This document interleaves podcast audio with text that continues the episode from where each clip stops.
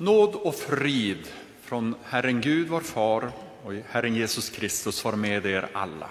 Amen. Moses sa, låt mig få se din härlighet. Här befinner vi oss 1200 år före Kristus, ungefär. Och man kan ju kanske ställa frågan, vad har det för relevans för oss idag?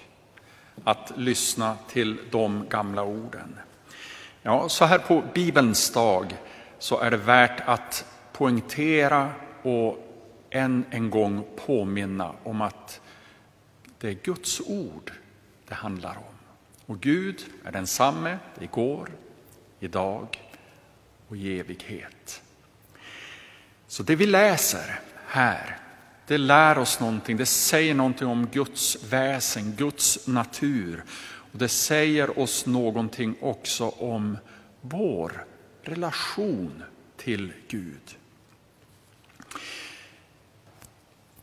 När vi kommer in i texten så har vi varit med om Israels folks uttåg ur Egypten, från slaveriet, tåget genom Röda havet och Mose har gått upp på berget, Sinai berg, för att möta Herren Gud. Han tar emot de budtavlorna. Men han är nu åter uppe på berget inför Herren, för han har kommit tillbaka dit upp en gång till efter att ha varit nere och avbrutit festen kring guldkalven som Aron och folket dragit ihop och så skamligt börjat tillbe när de började tro att ja, men Mose kanske inte skulle återvända från berget. Och Mose har nu kommit upp igen och han vädjar till Gud för folket. Och folket skonas. Men Gud låter dem veta att han själv inte ska gå med dem annat än genom att sända en ängel framför dem. Och nu befinner sig alltså Mose inför Gud och med en lång ökenvandring framför. Och Mose lägger fram fem böner inför Gud. Låt mig veta dina vägar. Låt mig veta dina planer.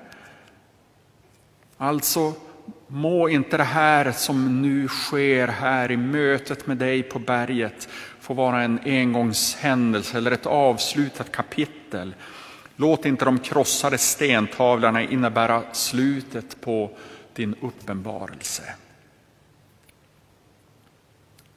Och den andra bönen som Mose ger uttryck för, det är se ditt folk. Se på detta folk som ditt folk. En bön om att Gud ska ta tillbaka Israel som sin förstfödde son, sin älskade brud eller låta den förlorade sonen komma hem igen. Och Mose ber, gå själv med oss. En bön om att Gud inte ska stanna och hålla sig på avstånd. Vi behöver dig Gud.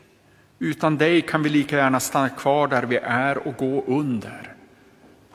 Gå själv med oss. Och han ber, märk ut oss bland alla andra folk på jorden. En bön om att Gud ska sätta sitt bomärke på Israel där det står du är min. Avskilj oss, helga oss, låt oss få vara det folk med en uppgift för alla världens folk som du har kallat oss till. Och så den sista bönen som vi läser här, låt mig få se din härlighet. Och även om vi tidigare i kapitlet läst att Herren talade med Mose ansikte mot ansikte så får Mose här veta att ingen människa kan se Gud och leva. Mitt ansikte får ingen se. Mose begär någonting här som inte kan beviljas honom. Och det är den enda av de här bönerna som avslås, åtminstone delvis. De övriga bönerna får ett positivt svar och Gud visar i handling att han verkligen menar vad han säger. Låt mig få se din härlighet. Ordet, det hebreiska ordet här bakom är kavod.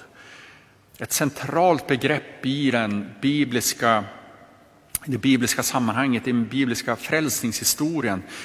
Tyngd betyder det. Mer specifikt Guds tyngd. Och det översätts ofta med härlighet och det skildras konkret den bländande glans omgiven av eld och rökmoln, närstående med ordet för helighet. Människor kan inte komma Guds helighet och härlighet för nära, för ovärdiga är den livsfarlig.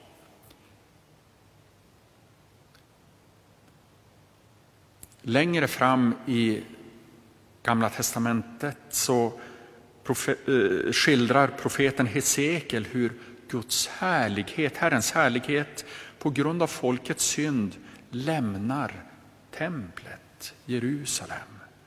Där Gud har fram till dess valt att manifestera sin härlighet. Och Paulus skriver ju någonting liknande i Romarbrevet.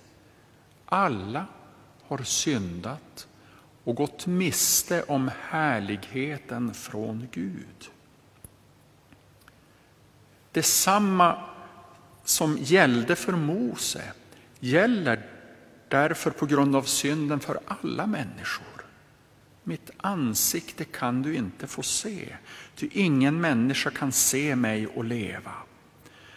Från Guds ansikte strålar hans härlighet, en förtärande härlighet och helighet. Men i Jesaja, 700 år före Kristus ungefär, så läser vi om hur Herrens härlighet efter tider av förstörelse och förnedring ska återvända. Herrens härlighet ska uppenbaras och alla människor ska se det. Och I Nya testamentet så blir det väldigt tydligt hur det här blir verklighet i Jesus Kristus. Jesus utstrålar Guds härlighet.